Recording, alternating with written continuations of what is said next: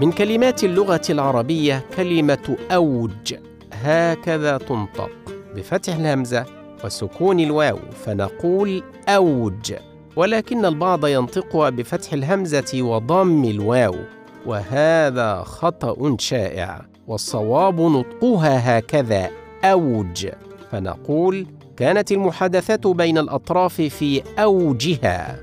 ونقول أيضا تظهر معادن الرجال في أوج الأحداث أي في شدتها.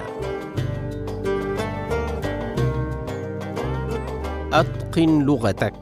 لقطات صوتية نصحح من خلالها نطق بعض الأخطاء الشائعة. نقدمها لكم من ميديا توبيا ولكم تحياتي دكتور عبد الله الخولي.